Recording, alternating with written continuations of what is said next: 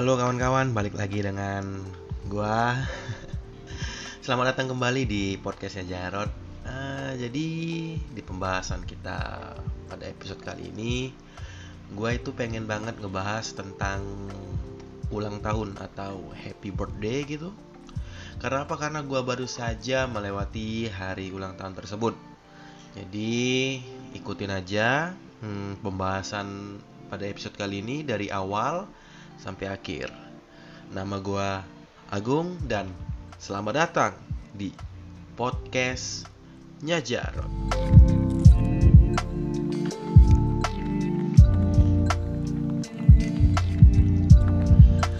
Selamat malam, selamat pagi, selamat siang, atau selamat sore di mana pun kawan-kawan podcastnya Jarot berada atau teman-teman, teman-teman.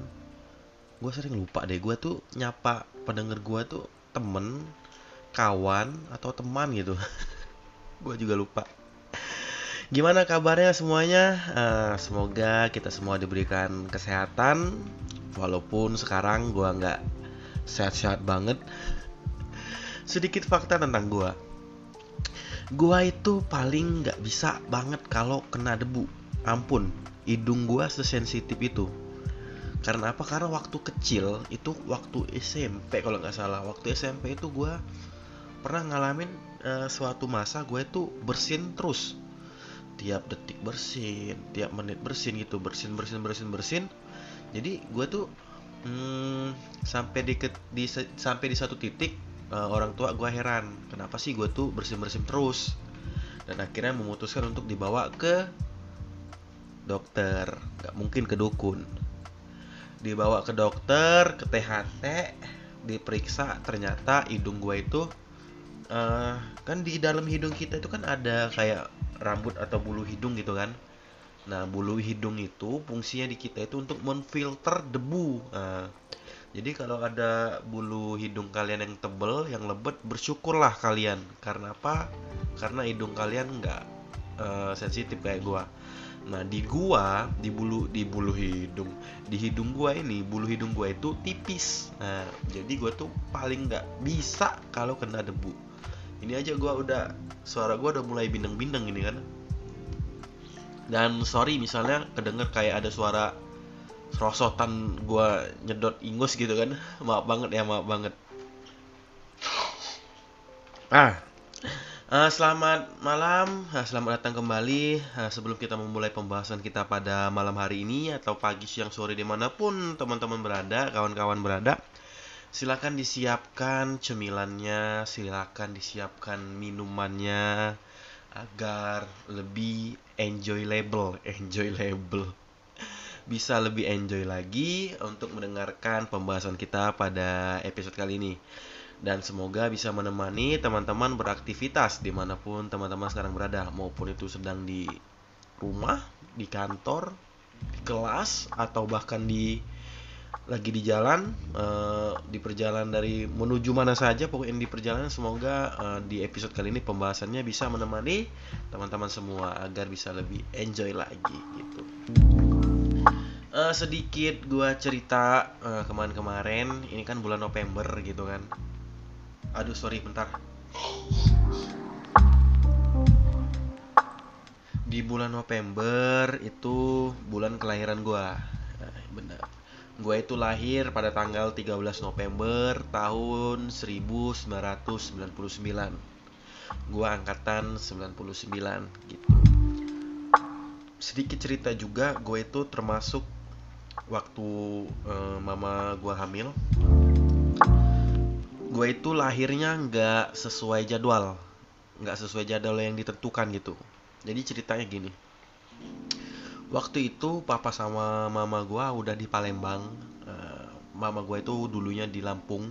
Tapi begitu nikah sama papa langsung dibawa papa ke Palembang. Karena apa? Karena papa udah ada rumah di Palembang sama udah ada kerjaan di Palembang. Jadi dibawa ke Palembang gitu begitu di Palembang ya namanya manusia hidup berkembang biak uh, singkat cerita mama hamil gitu kan.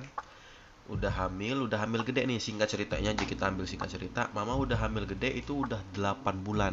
Nah posisi 8 bulan ya kata dokter USG-nya ini bakalan lahirnya lebih cepet katanya gitu. Tapi nggak dikasih tahu kapan cepetnya itu kapan. Jadi uh, karena papa papa gue lagi kerja gitu papa gue lagi kerja mama sendirian di rumah. Takutnya takut terjadi hal yang tidak diinginkan mama nggak ada yang ngawasin di rumah. Maka dari itu mama dipindahkan ke Lampung. Karena apa? Karena di Lampung ada nenek gua. Nah, jadi kalau ada apa-apa diawasin sama nenek gua. Pada waktu itu transportasi yang paling aman dari Palembang ke Lampung tentu saja adalah kereta api di dalam keadaan hamil yang besar 8 bulan mama e, ngebawa gua di dalam perutnya untuk menuju ke Lampung. Dan di dalam kereta ini terjadi suatu uh, tragedi atau peristiwa. Yang di mana pada tengah malam uh, itu tengah malam di dalam kereta mama itu kebelet mau pipis. Kebelet mau pipis berangkat mau menuju ke kamar mandi dari tempat duduk kan kalau kita naik kereta kan itu kereta jalannya kan nggak seimbang kan goyang-goyang gitu kan goyang-goyang goyang-goyang. Begitu kereta ya goyang mama gua jatuh. Mama gua jatuh dengan posisi perut duluan. Begitu jatuh perut duluan langsung uh, kena di lantai kereta gitu. Dan alhamdulillahnya uh, nggak uh, ada apa-apa uh, begitu mama jatuh heboh langsung ditolongin. Dan alhamdulillahnya lagi yang nolongin mama itu uh, perawat. Tapi uh, perawatnya nih agak agak gimana ya bilangin? Kayak agak uh, ya udah gua terang-terangan aja lah ya. Terus kok misalnya ada yang kesinggung gua mohon maaf. Itu yang nolongin mama gue itu banci. Nah gitu. Yang nolongin mama gua banci tapi alhamdulillahnya gua nggak ada apa-apa uh, mama nggak ngalamin pecah ketuban segala macem dirawat sama banci tersebut uh, dan untuk banci tersebut uh, kalau masih ada ya ataupun masih ya mungkin ada keajaiban mendengarkan podcast ini saya mengucapkan sangat-sangat terima kasih karena berkat Anda mama saya selamat dan saya juga selamat.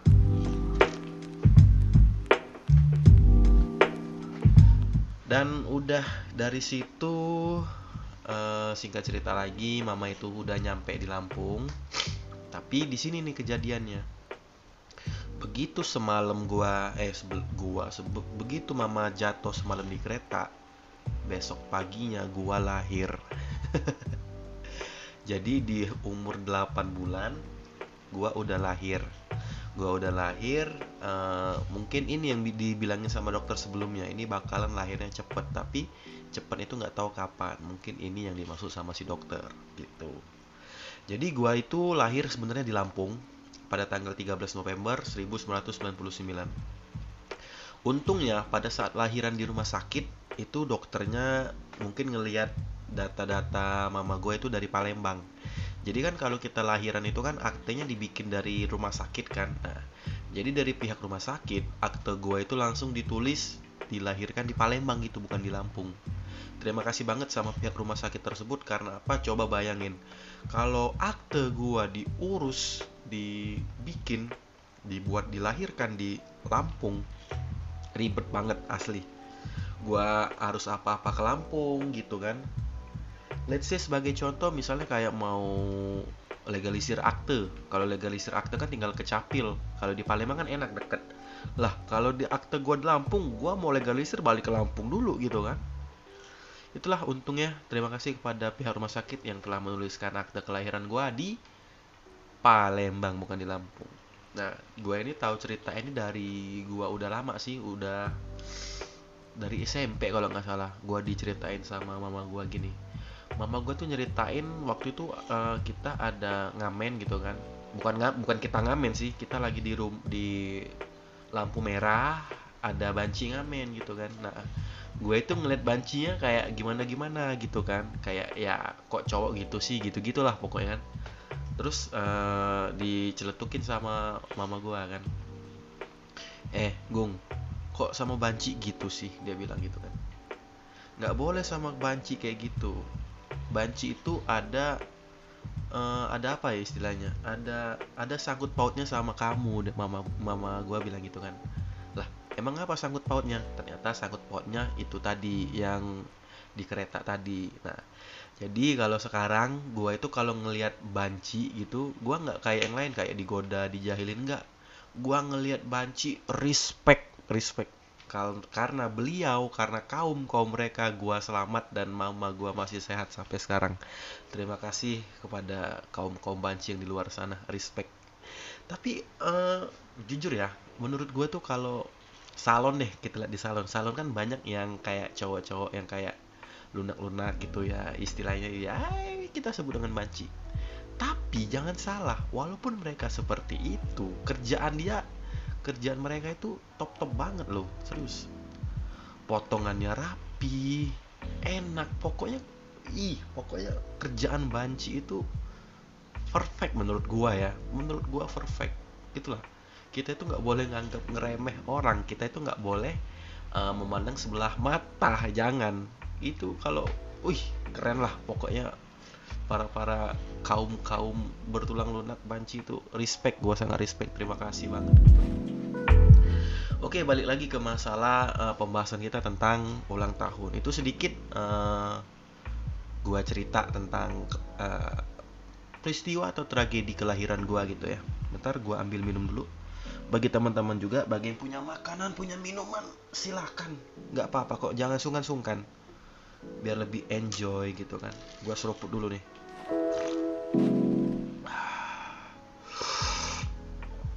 Walaupun cuma air putih cuman nggak apa-apa lah. Gue itu kepikiran topik ini karena gue begitu ulang tahun kemarin kan. Ih, gimana ya kalau ngangkat topik tentang ulang tahun gitu? Kayaknya bakalan seru gitu kan. Aduh sorry nih gua. Ngesusul sule. Eh ngesusul sule. Ngesusul ini. Ingus sorry ya maaf ya uh, semoga gak kedengeran. Ini gua pakein backsound kita ambil dari lo-fi lagi. Terima kasih lo-fi karena tidak ada copyright. Ya gue tuh kepikiran begitu gue ulang tahun gitu-gitu. Karena apa? Karena gue ngebahas uh, tema ulang tahun ini atau happy birthday ini. Karena ada suatu kejadian yang membuat gue itu kesel sekaligus kecewa. Nah, jadi kita flashback lagi ke zaman zaman dulu zaman zaman bocah. Zaman zaman masih bocah. Ya namanya kita kan anak-anak SD SMP SMA gitu kan. Kalau ada temen yang ulang tahun pasti kita ngikut ngerayain. Kalau nggak kita ikut patungan beli kado atau beli kue gitu gitulah Nah jadi waktu di SMP, gue inget banget di SMP itu kita tuh ada ada geng. Nah, gengnya itu namanya CCS, yang di mana CCS ini adalah nama dari geng kita waktu SMP. Waktu SMP itu namanya CCS, artinya itu uh, sebenarnya di salah di perkumpulan geng kita itu ada namanya uh, Cika. Nah jadi Cika ini salah satu rumahnya yang paling paling bukan paling sih rumahnya ini jadi jadiin base camp gitu maksudnya dijadiin base camp misalnya ada yang mau ulang tahun nih misalnya si A ulang tahun kita kumpulnya di rumah Cika dulu gitu. Jadi kayak Cika ini penampung kita. Jadi kita grup namain uh, grup geng kita ini CCS Cika CS gitu. Atau ya Cika dan kawan-kawan gitulah. Jadi si Cika ini rumahnya dijadiin base camp untuk sementara untuk merayakan si teman kita yang ulang tahun. Ini si, si ini ulang tahun kita kumpulnya di rumah Cika kita patungan uang di rumah Cika, kita beli kuenya dari rumah Cika juga gitu. Nah, jadi waktu SMP itu rame banget dari 12 orang. Ya, setiap tahunnya, bukan setiap tahun, setiap bulannya pasti ada yang ulang tahun dari 12 orang itu pasti ada yang ulang tahun. Jadi kita tuh rajin banget kayak patungan uang gitu untuk bikin beliin kado, beliin kue, ngerayain di rumahnya. Atau enggak kita patungan uang, kita patungan duit, uang itu kita beliin telur kita beliin sagu kita kita ceplokin ya gitu gitulah gitu kan nah salah satu yang paling rajin di antara 12 orang ini adalah gua. Gua itu paling rajin banget datang ke acara ulang tahun teman-teman gua dengan harapan ini harapan bocah banget sih dengan harapan kalau gua datang ke ulang tahun mereka gue tuh ngarep begitu gua ulang tahun mereka juga datang gitu. Itu pemikiran gue pada waktu itu uh, tapi uh, benar-benar terjadi. Begitu gue ulang tahun mereka datang ke rumah gitu. Ya walaupun nggak rame-rame banget ada beberapa aja gitu kan. Mereka datang ke rumah mereka ngasih kado mereka kasih kue mereka nyeplokin gua. Ya gitu gitulah pada kayak ulang tahun pada umumnya. Tapi ada tapinya nih. Waktu di SMA gue inget banget. Di SMA itu kan kita ada namanya Sweet Seventeen. Atau ulang tahun yang ke 17 nih gue gue inget banget ini. Setiap temen gue yang Sweet Seventeen gue datang ke rumahnya gue ngikut ngerayain. Ini secara uh, gue diundang ya ini secara resmi gue diundang gue datang gue ikut ngerayain gue ikut patungan gue ikut ya pokoknya gue ikut partisipasi lah dalam acara Sweet Seventeen tersebut. Dan masih sama pada saat itu gue ngarepnya ketika gue Sweet Seventeen gue pengen teman-teman gue datang tetapi ketika saya sudah rajin mendatangi pesta-pesta Sweet Seventeen teman-teman saya ketika saya Sweet Seventeen 13 November nggak tahu tahun berapa gua lupa itu gua udah nyebar undangan gua udah kasih omongan datang ya ke rumah kita ada acara sedikit nih gitu gitu gitulah. Ya cara kita ngundang orang lah kalau mau ada acara party gitu kan. Ya gua ngundangin teman-teman lama gua yang dari SMP Oh ya, sedikit fun fact. Jadi kita itu yang CCS tadi dari SMP ke SMA sudah berkurang dari 12 orang jadi empat orang aja cuman. Jadi cuman empat orang yang benar-benar masih kompak banget. Itu ada gua, Robi, Cika sama Ayu. Jadi orang empat ini. Sebenarnya gua pengen ngangkat podcast uh, kisah kita berempat gitu. Tapi uh, waktunya nggak klop si Ayu ini sibuk banget dia kerja sama si Robi ini orangnya anget-angetan, sering hilang, sering ada gitu. Jadi waktu SMA si CCS ini udah jadi empat orang udah udah hilang semua orangnya nggak tahu ke mana. Jadi waktu kelas 3 SMA gue itu sudah sweet 17 13 November berarti kalau 13 SM eh kalau kelas 3 SMA berarti tahun 2000 2017 kita ambil lah 13 November 2017 gue udah nyebar undangan gue ada buka omongan sama teman-teman gue gue juga udah ngomong sama mama gue pada tanggal 15 atau eh pada tanggal 11 apa tanggal 12 itu di uh, gua minta dibikinin makanan dibikinin kue-kue segala macem. Begitu tanggal 13 November. Nggak ada yang datang ngerayain ulang tahun gua. Termasuk teman-teman deket gua. Termasuk temen deket-deket gua. Si CCS ini yang katanya teman banget dari SMP memang tai banget mereka ini. Begitu gua Sweet Seventeen nggak ada yang datang ke rumah. Jika waktu Sweet Seventeen gua datang ke rumah dia dirayain di resto ya.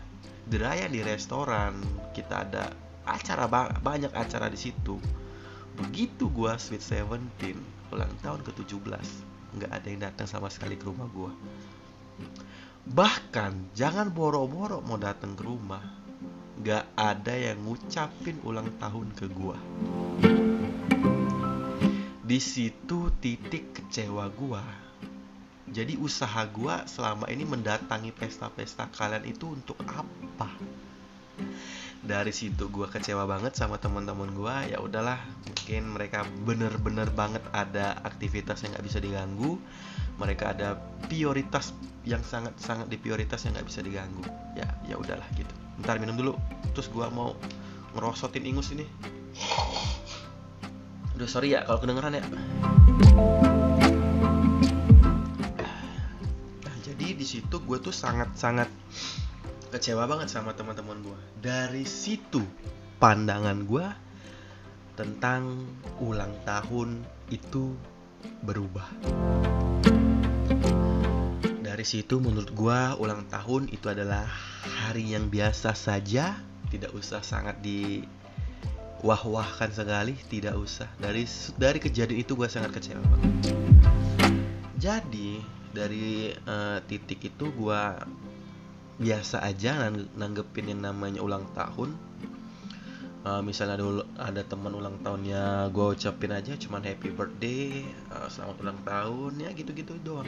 HBD sis HBD bro uh, semoga sehat selalu ya gitu-gitu doa aja. Terus udah.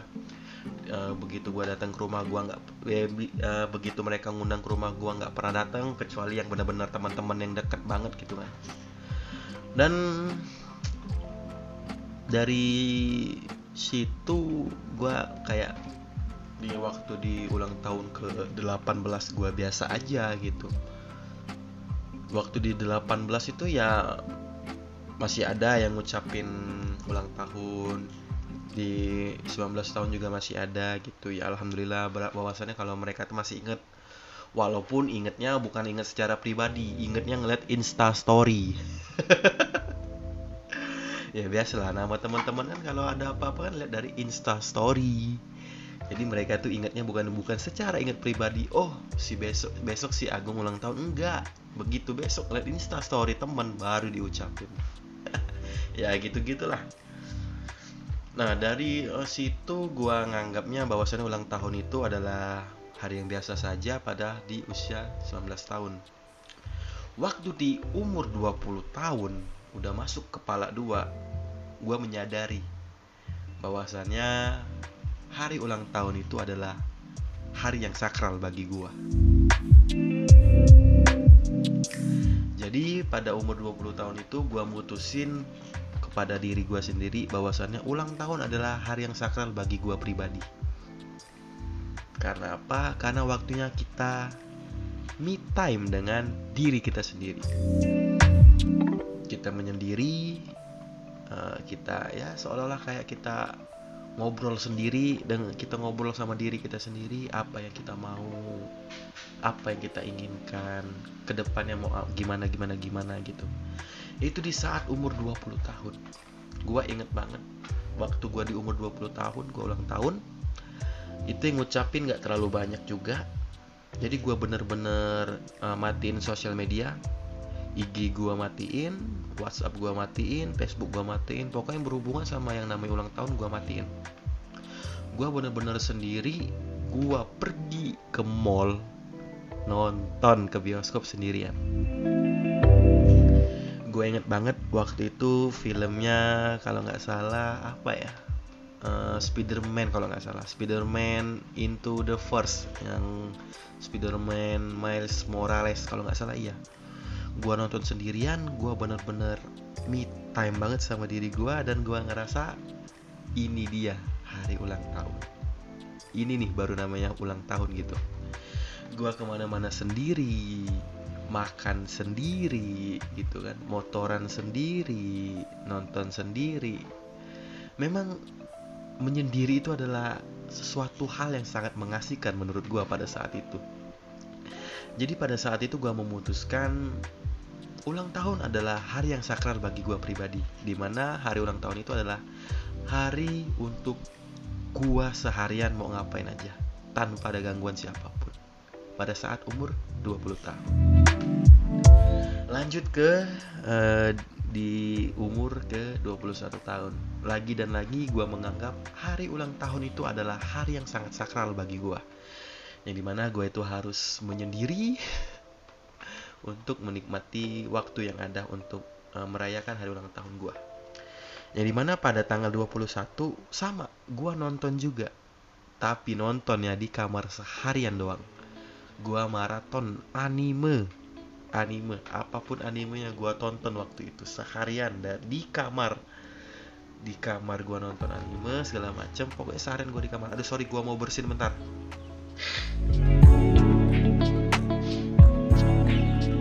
Hal yang paling menyebalkan di muka bumi ini adalah ketika kita mau bersin tapi nggak jadi. Anjing banget memang. Nggak enak banget rasanya.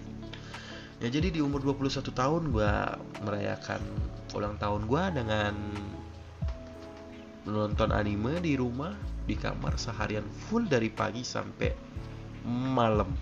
Sebenarnya bukan anime doang sih, sebenarnya ada film-film kayak film-film Hollywood gitu yang gue tonton juga. Minum lagi guys.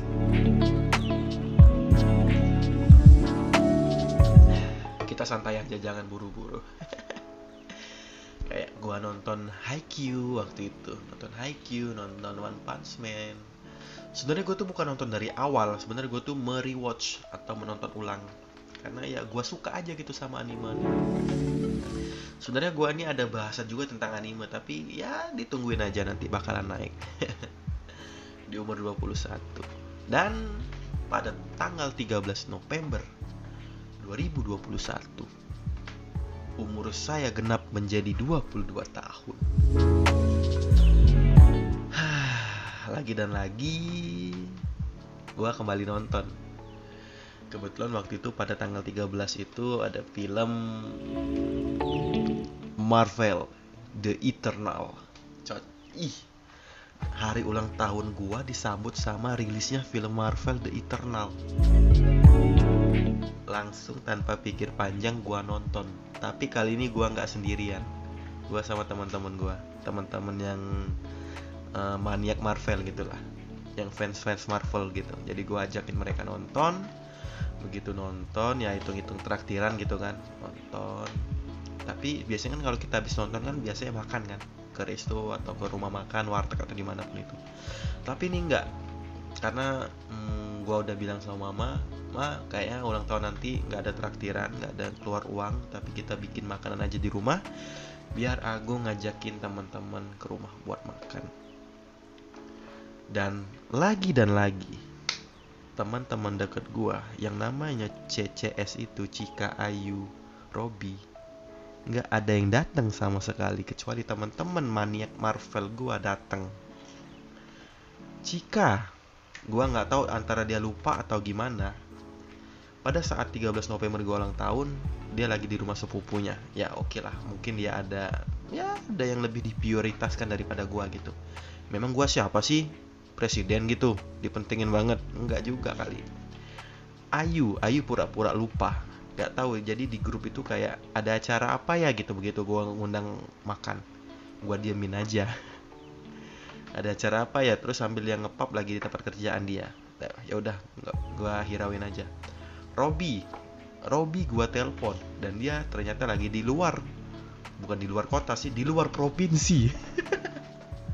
Dia lagi di suatu daerah uh, jauh dari kota. Dia ada ikut event sepeda goes dari apa ya, event Sriwijaya Sriwijaya Basikal kalau nggak salah. Itu goes sepeda dari Palembang ke Danau Ranau dia nggak bisa. Dan pada saat 13 November 2021 orang yang pertama ngucapin gue ulang tahun adalah si Robi. Walaupun sebenarnya hubungan kita uh, sempet selek sempet ada masalah gitu yang di mana gue yang tolol gitu terlalu sotoy. Jadi ya sedikit ada masalah gue dengan Robi gitu. Dan ya begitulah jadi ya sekarang gue itu nggak terlalu berekspektasi tinggi ya kalau begitu. Gue udah masuk bulan kelahiran gue gue nggak terlalu expect kayak oh gue bakal diucapin nih gue bakal dikasih kado. Nggak gue nggak bakalan expect kayak gitu. Ya contohnya seperti 13 November kemarin biasa-biasa saja. Teman-teman deket gue juga ngucapinnya ya kayak niat antara nggak niat gitulah pokoknya. Ya jadi gue nggak terlalu berekspektasi tinggi. Yang penting gue diberikan kesehatan dan gue masih bisa uh, mendapatkan umur lagi. Nah sebenarnya inti dari pembicaraan ini adalah ketika kita berulang tahun, kita itu harus bersedih atau bahagia. Karena menurut di satu sisi semakin bertambah usia maka semakin berkurang juga usia kita di bumi gitu kan.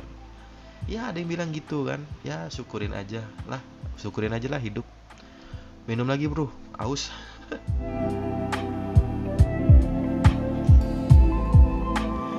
Jadi gitu. Jadi ketika kita berulang tahun, apa yang harus kita lakukan? Kita harus bersedih atau kita harus bahagia? ulang tahun. Ya dari semenjak 20 tahun itu gua nggak terlalu expect lagi sama yang namanya ulang tahun bakal diucapin segala macem. Ya sedar diri lah. Kita ini udah tua udah kepala dua angkatan 99 udah angkat uh, umurnya udah kepala dua semua. Yang penting apa? Yang penting itu doanya aja. Kita nggak perlu kita nggak perlu kado kita nggak perlu kue. Yang penting itu doanya karena ya karena doa itulah yang bisa menyelamatkan kita untuk ke depannya sehat selalu dimurahkan rezekinya dilancarkan rezekinya dibukakan pintu rezekinya gitu kan. Ya apa yang dicita-citakan semoga tercapai gitu kan. Kekuatan yang paling dahsyat itu adalah kekuatan doa. Dengan doa kita pasti bisa mencapai segalanya ya mungkin itu aja pembahasan di episode kali ini. Uh, eh, gue juga nggak tahu sebenarnya apa sih yang gue obrolin ini. Yang gue bahas ini gue juga nggak tahu. Ya, karena gue pengen ngobrol aja biar ada updatean aja gitu di podcast gue atau di anchor gue dan gue juga nggak bawa poin po, nggak nggak dan gue biasanya kan gue tuh bawa poin-poinan. Kali ini gue nggak bawa poin-poin. Jadi gue tuh bener-bener pure ngobrol aja ngobrol ngalur ngidul apa yang ada di pikiran gue gue sampein. Baiklah itu aja uh, untuk pembahasan kita pada episode kali ini. Pokoknya intinya itu adalah ketika kita berulang tahun apa yang harus kita lakukan? Apakah kita harus bersedih atau kita harus bahagia? Bagi kawan-kawan yang uh, dengerin gue di Spotify jangan lupa diaktifin loncengnya supaya uh, tahu misalnya gue ada update terus di klik follow ya di follow. Terus teman-teman juga bisa dengerin gue di platform lainnya kayak Google Podcast dan Apple Podcast dan di Anchor di Anchor. Jadi ya search aja nama podcast gue podcastnya Jarod pasti ada. Dan bagi teman-teman juga uh, misalnya ada kritik dan saran silahkan DM ke Instagram gue atau kirim ke email yang ada di deskripsi gue untuk email dan IG gue sudah gue taruh di deskripsi bawah bagi teman-teman juga yang mau ngirimin cerita nanti diceritain dari sudut pandang gue atau pengalaman-pengalaman yang relate dengan cerita-cerita gue silakan nanti gue bakal bacain dan gue ceritain. Bisa kirim ke email atau via DM juga di Instagram. Untuk email dan Instagram udah gue taruh di bawah. Baiklah itu aja pada episode kita kali ini. Uh, sampai jumpa dan dan apa sih Sampai jumpa di episode selanjutnya. Uh, tetap jaga kesehatan dan tetap makan. Jangan sampai nggak makan ya, nanti lemes. Dan itu aja sekian dari gua Agung.